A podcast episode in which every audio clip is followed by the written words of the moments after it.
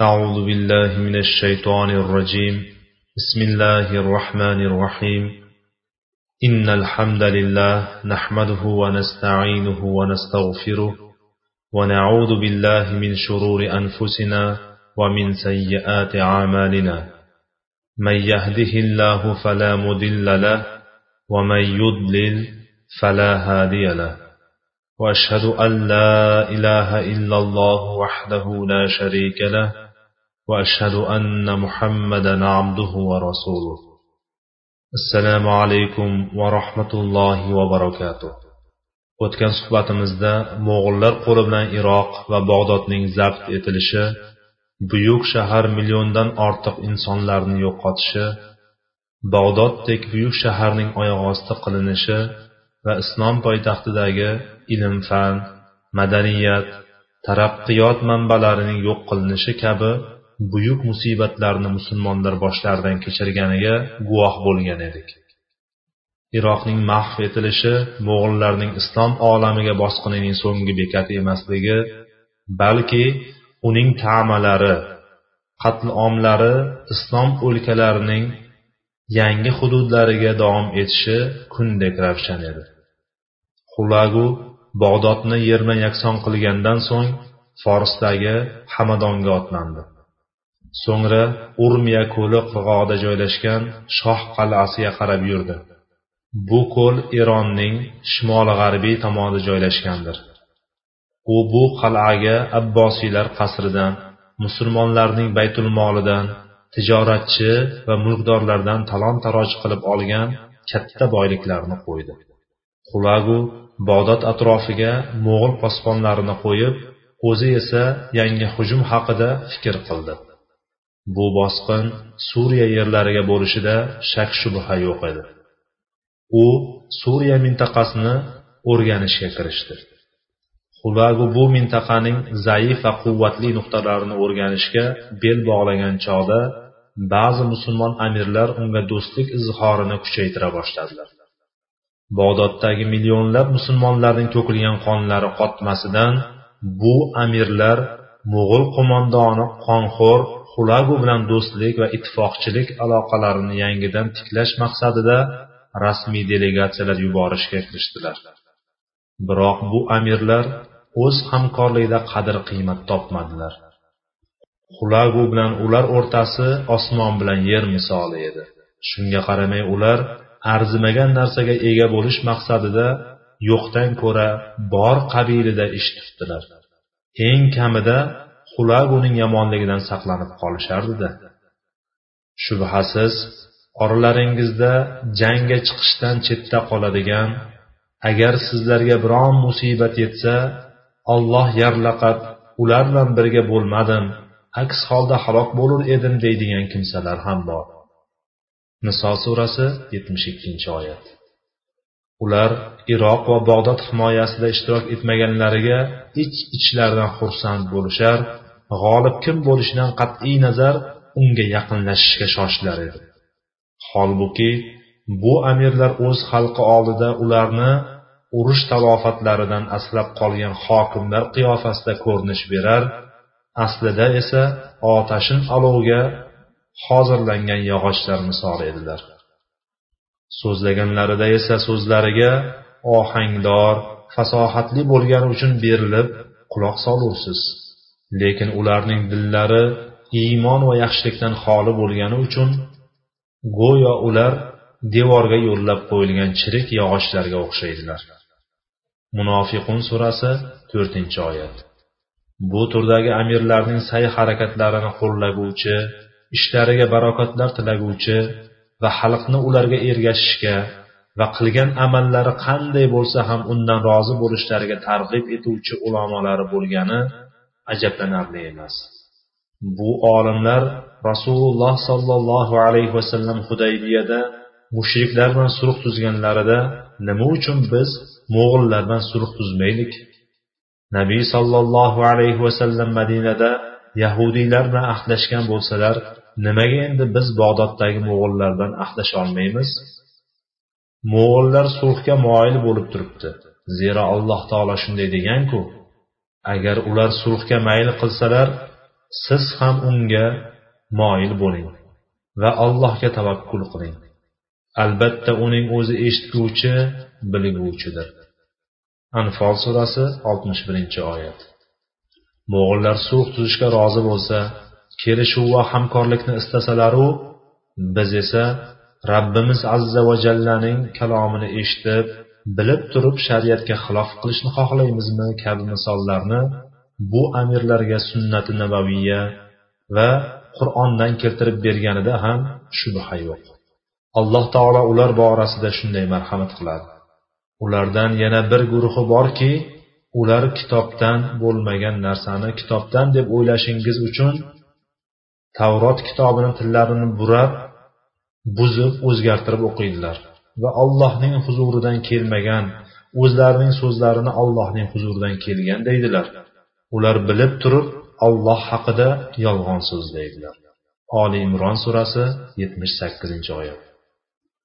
Sayyidlari xulaguning huzuriga u bizning hamkorligimizni qabul etarmikin? degan savollarni o'zaro bir birlaridan so'ragan hayajon va xavotirdan qalblari ko'kslaridan chiqib ketgudek bo'lib shoshilganlaricha yo'lga otlanishdi mosulning amiri badriddin lu'lu turkiyaning markazi va g'arb tomoni anadol mintaqasidan amir kaykovus ikkinchi va amir rukniddin qilich arslon to'rtinchi hims amiri ashrof ayyubiy damashq va halabning amiri salohiddin ayyubiyning nevarasi nosir yusuf ayyubiy xulaguning huzuriga bo'yin egib kelishdi.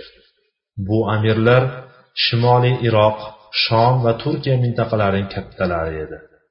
Bu esa xulaguning qarshisida g'ov bo'lib turgan muammoni yechimi shuningdek o'sha mintaqalarning jangu jadalsiz qo'lga kiritilishi edi.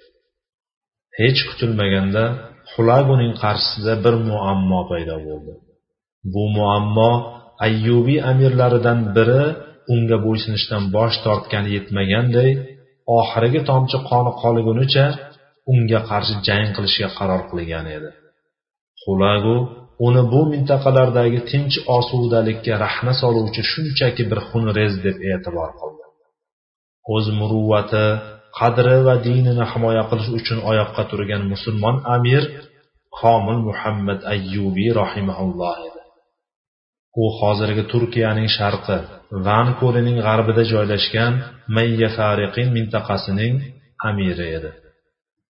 Komil muhammad ayyubiy rahimaullohning qo'shini turkiyaning sharqi va shimol tarafdan dajla va furot daryolari orasida joylashgan joylarni o'z ichiga olgan jazira mintaqasini nazorat qilar edi. Bir so'z bilan aytganda amir komil muhammad turkiyaning sharqi iroqning shimoli g'arbi va suriyaning shimoli sharqiga hokim edi. Mo'g'ullar bog'dod qo'rg'onlari qarshisida turgan vaqtda amir komil muhammad damashqqa nosir yusufning oldiga yo'l oldi. U bog'dodga yordam berish fikrini olg'a surdi. Mo'g'ullarga qarshi jihod qilishni kerak bo'lsa shu yo'lda shahid bo'lishni taklif qildi. Nusratga erishmagan taqdirda ham aziz holatda shahid bo'lishni ixtiyor qildi. Damashq amiri nosir yusuf esa qaror qabul qilish zamonida qo'rqoqligi ma'nan zaifligi hayrati taraddudi sabab zarur qarorni qabul qilishdan ojizlik qildi. Amir komil muhammad bog'dod ishg'ol qilinganini eshitgunicha damashqda qolib ketdi. So'ngra mayya fariqinga qaytdi. Xullas amir komil muhammad bir o'zi yakkalanib qoldi. Xulagu suriya yerlarini bosib olishni istadi. Ammo u ayni vaqtda komil muhammad ayyubiy rahimaullohning qo'l ostida bo'lgan jazira mintaqasini bosib o'tmasdan va shimoliy iroqdan yurmasdan bu maqsadiga erisha olmasdi. Shimoliy iroqning katta amirlari diniy vataniga xoinlik qilib dushmanga bo'ysunib xulaguning ishini qulaylashtirgan bo'lsa da mayya fariqin amirligini kuch bilan qayirib o'tishi lozim edi. Mayya fariqin shahri juda mustahkam qo'rg'onli shahar bo'lib qora tog'lar tizimi orasida joylashgan va uni ishg'ol qilish anchagina mashaqqatli edi. Ulagu biron talofat ko'rmasdan osonlik bilan yo'lni davom ettirish payida bo'ldi. Xulagu musulmon amirni jihod fikridan chalg'itish niyatida uning atrofidagi barcha amirlar qatori shartlarsiz taslim bo'lishga taklif etib elchi yo'lladi. U o'zi yolg'iz mo'g'ullarga qarshi turgan qolganlar barchasi sharmandalarcha taslim bo'lgan edilar. Xulagu ilonni yog'ini yalagan ayyorlikda tulkini ham changda qoldiradigan makkor edi. U mo'g'ilni emas qissis yaqubiy ismli nasroniy arabni elchi qilib yubordi. Bu elchi amir komil muhammadga xulaguning maqsadini uning kuch quvvatlariyu qanchalar vahshiyligini chiroyli suratda. Amirning ona tili arab tilida mukammal bayon qilib bera olishi bilan birga u nasroniy ham edi.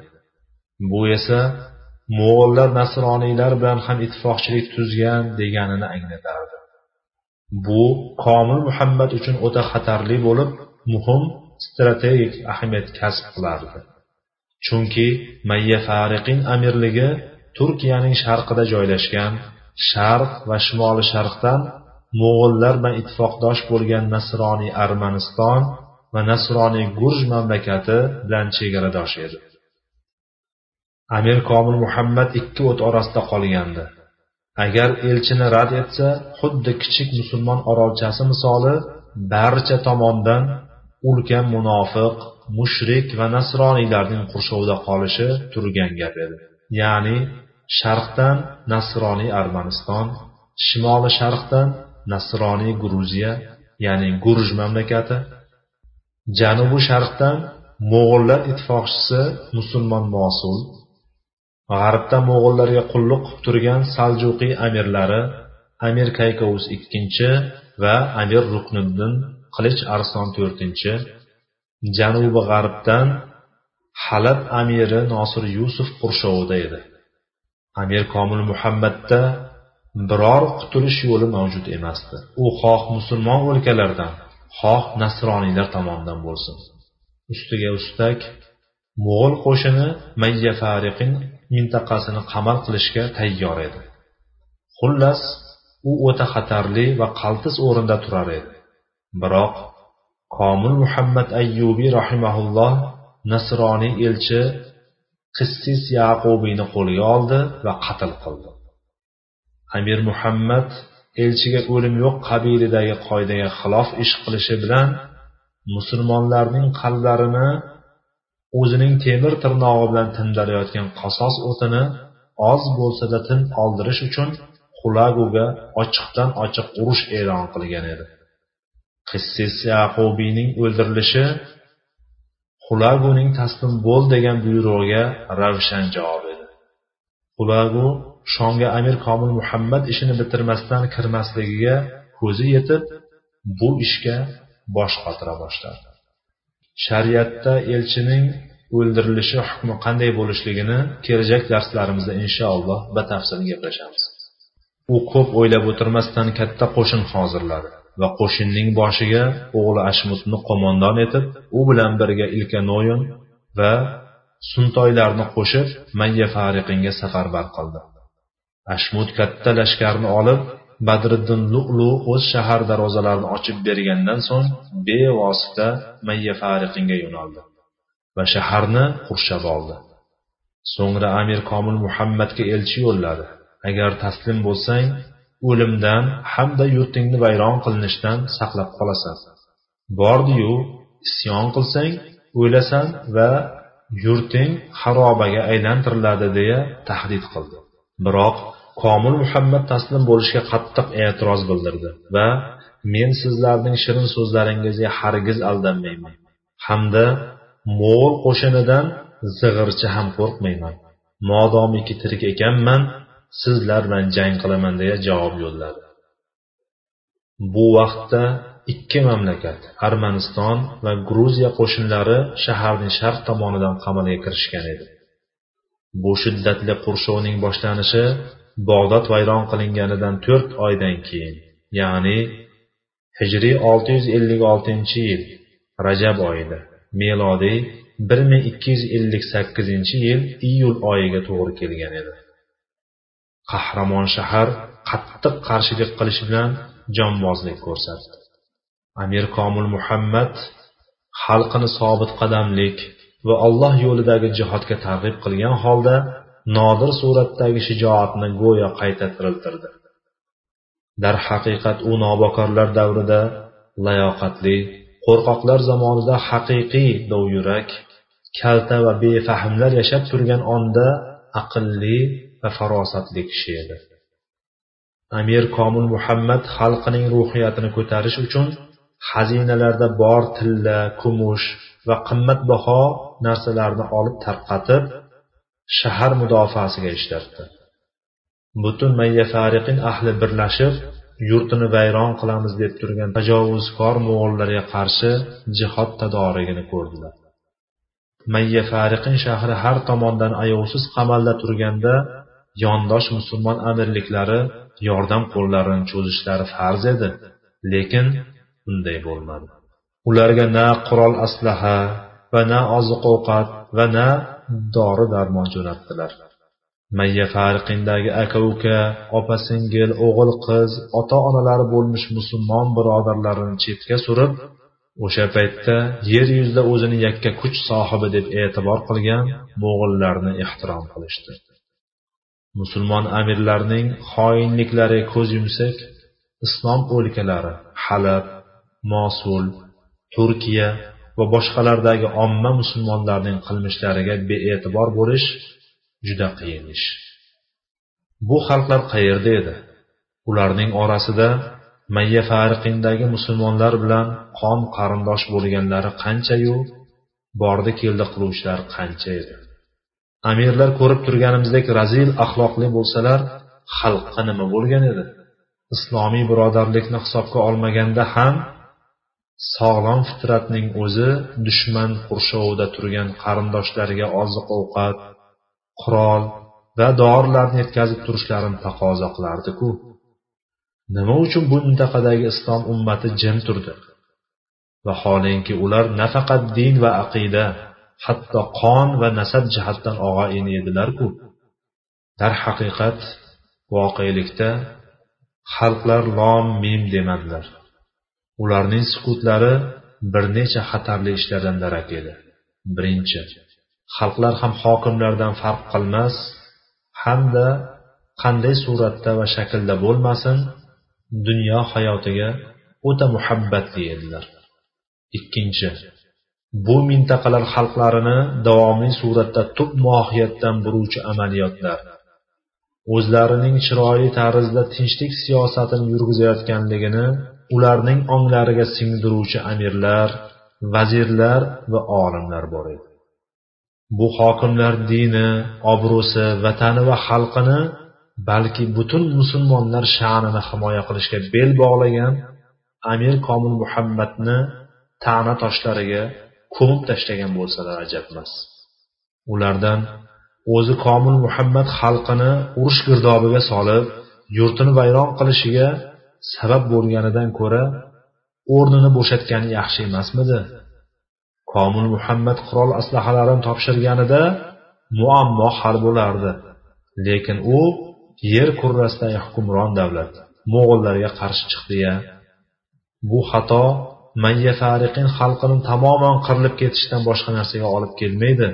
Qulagu mayyafariqinga faqat komil muhammadni taxtdan olish uchun kelayotgani va uning xalqiga adovati yo'qligini bayon qiluvchi maktub yo'llagani ham aniq degan so'zlarni aytuvchilar bo'lganida shubha yo'q. Asl mohiyatdan uzoqlashtiruvchi amaliyotlar xalqning ishtiyoqini o'chirib uning muruati va g'ururini o'ldirgan edi. Uchinchi xalqdan gap so'zga hujjatu dalillarga qanoat qilmaganlariga qilich va qamchi bilan anglatilar edi. Alhol bu mintaqalar xalqlari qahr va zulm bilan boshqarib tururlar hokimlar bilan xalqlar o'rtasida bir birlari bilan kelishmovchilik xush ko'rmaslik yetarli edi. Bunday sharoitlarni ko'rib mayya fariqin amirligining tom ma'noda qattiq dushman qurshovida qolganini fahmlay olamiz. Shuningdek bu mintaqaning atrofidagi islom amirliklaridan biron musulmon hokim yoki xalq harakat qilmaganidan mayya fariqin xalqini tirik o'liklar safiga qo'shib qo'ysak ham bo'laveradi. Subhanalloh. Mosulning va saljuqiylarning amirlarini vijdonsizligi va sharmandaligini biroz tushundik ham deylik. Halab va damashqning amiri nosir yusuf ayyubiynikini tasavvur ham qila olmaymiz. Zero uning komil muhammad bilan din aqida va qo'shnilik aloqalaridan tashqari o'ta muhim strategik bog'liqliklari ham bor edi. Mayya fariqin amirligi halabning shimoli sharqida joylashgan bo'lib agar u ag'darilsa mo'g'ullarning navbatdagi qadami halab bo'lishi turgan gap edi. Ustiga ustak bu amirlarning ikkalasi ham ayyubiylardan bo'lib qon qarindoshlik aloqalari ham bor edi. Buyuk qahramon salohiddin ayyubiy rahimaulloh olamdan o'tganiga atigi yetmish yil bo'lgan edi. Ma'lumingizki u kishi rahimaulloh hijriy besh yuz sakson to'qqizinchi yilda vafot etgan edi. Uning bu nevarasi nosir yusuf qanday sharmandalikka qo'l uradi ekan? Uning mayya fariqinga ko'maklashishdan ojizlik qilganini na shar'iy va na aqliy jihatdan oqlab bo'ladi subhanalloh. Alloh taolo marhamat qilib aytadiki yana sizlar hali bilmaydigan narsalarni ham yaratdi nahl surasi sakkizinchi oyat. Amir komil muhammad rahimaulloh nosir yusuf ayyubiydan mo'g'illar va uning ittifoqchilari nasroniylar qurshovida qolib ahvoli qiyinlashib borayotgan mayya fariqin xalqiga oziq ovqat qurol aslaha va dori darmon yuborishini so'radi. Biroq nosir yusuf ikkilanmay ochiqchasiga madad qo'lini cho'zishdan bosh tortdi.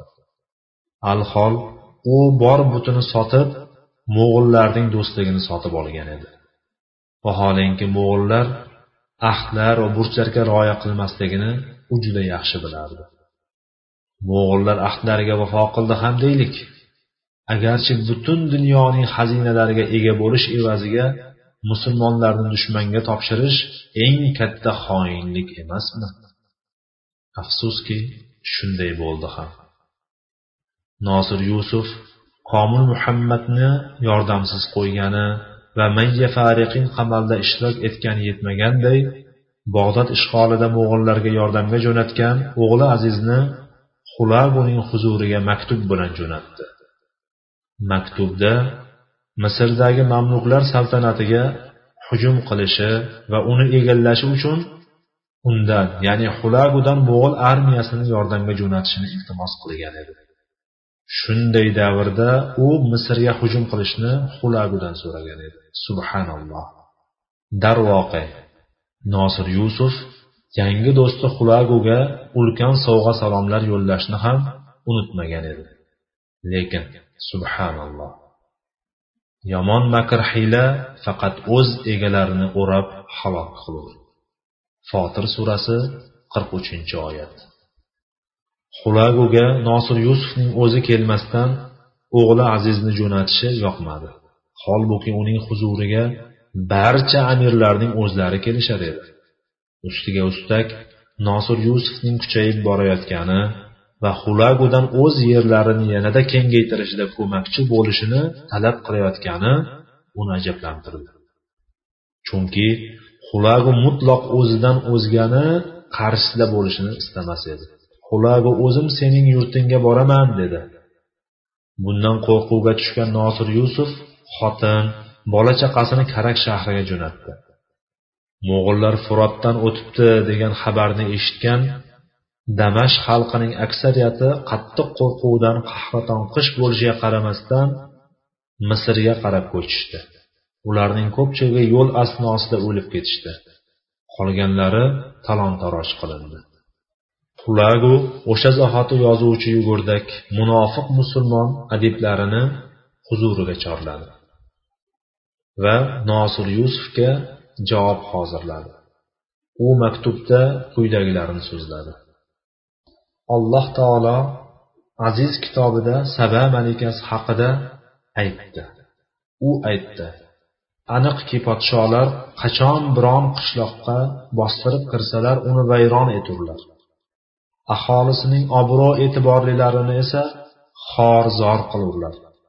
Ularning qilmish odatlari shudir. Naml surasi o'ttiz to'rtinchi oyat. Deb hikoya qilinganidek biz ham bog'dodni allohning qilichi ila ishg'ol etib suvoriylarini qatl qildik. Binolarini vayron aylab xalqini asir oldik. Uning xalifasini tutib kelib ba'zi kalimalarni ya'ni xazina va sir asrorlari haqida so'rasak yolg'on so'zladi. So'ngra uni nadomat oldi va yo'q qilishimizga loyiq bo'ldi. Darhaqiqat xalifa nafis boyliklarni jamlagan razil inson. Mol mulk to'plaganu rijollarni e'tibordan chetda qoldirgan edi. Uning nomiyu qadri baland bo'ldi. Biz esa allohdan to'kislik va mukammallikdan panoh so'raymiz. Bu taqvodorlikning eng yuqori manzilatida go'yo bu maktubim qo'lingga tekkani on odamlaring mol mulking va suvoriylaring bilan yer kurrasining sultoni shohanshoh ro'y zaminning toatiga shoshil. Alloh taolo ulug' kitobida insonlar uchun faqat o'zi qilgan harakatigina bo'lur. Uning qilgan sa'y harakati esa yaqinda ko'rinur. So'ngra u o'sha sa'y harakati uchun to'la to'kis jazo mukofot olur deb aytganidek uning ya'ni shohanshohning yomonligidan ehtiyot bo'lda yaxshiligiga erishgin. Shuningdek bizning elchimizni huzuringda ushlab turma. So'ngra yaxshilik bilan saqlash yoki chiroyli suratda ajrashish bordir. Baqara surasi ikki yuz yigirma to'qqizinchi oyat. Bizga kelgan xabarlarga qaraganda shom va boshqa joylardagi tijoratchilar mo'g'illarning shahar darvozasi qarshida turganidan xabar topib mol mulklari va xotinlarini olib urush bo'layotgan yerdan uzoqroqqa karvonsaroyga mo'g'illar o'z tillarida misrni shunday deb atar edilar. Ya'ni karvonsaroyga ketganmish. Agar ular tog'da bo'lsalar tog'larni supurib tashlaymiz agar yerda bo'lsalar yerni o'pirib tashlaymiz gapning lo'ndasi qochganlar uchun najot yo'q. Zero shudring va suvdek oddiy narsalarda menikidir. Haybatimizdan sherlar qo'rqadi. Amiru vazirlar changalimizdadir. Bu maktubni o'qib nosir yusufning yuragi yorila yozdi. U xulagoning maqsadini yaxshi anglagan edi. Xulago uning mukammal tarzda taslim bo'lish talabida edi. Unga xalqi va tijoratchilardan qochib ketganlarning tagiga tushishini abbosiylar xalifasining oqibati nima bo'lganligini xabarini berib sen ham mol mulkingni taslim qilmasdan yashirib qolmagin. Bordiyu shunday qilsang xalifaning kuni boshingga tushmasin yana degani edi. Bundan so'ng u uchun nima chora qolgan edi? Mol mulk va sultonlik muhabbati nosir yusufning qonida jo'sh urar shu yuzdangina mo'g'ul xoniga qulluq qilib u bilan do'stlashgan edi. Endichi endi esa xulagu unga qani zudlik bilan yonimga kel. Dunyoni faqat mengina taqsim qilaman. Agar kelmasang abbosiylar xalifasining kunini sening ham boshingga solaman deyotgan edi. bundan so'ng nosir yusuf qanday qarorga keldi uning qarori nima edi amir komil muhammadni va mayya fariqin xalqini qanday kunlar kutib turibdi bu kabi mavzularga kelajak darslarimizda javob topamiz inshaalloh vallohu taala alam سبحانك اللهم وبحمدك أشهد أن لا إله إلا أنت أستغفرك وأتوب إليك اللهم علمنا ما ينفعنا وانفعنا بما علمتنا وزدنا علما. ربنا اغفر لنا ولإخواننا الذين سبقونا بالإيمان. ولا تجعل في قلوبنا غلا للذين آمنوا. ربنا إنك رؤوف رحيم. وآخر دعوانا أن الحمد لله رب العالمين. وصلى الله تعالى على خير خلقه محمد وعلى آله وأصحابه أجمعين. والسلام عليكم ورحمة الله وبركاته.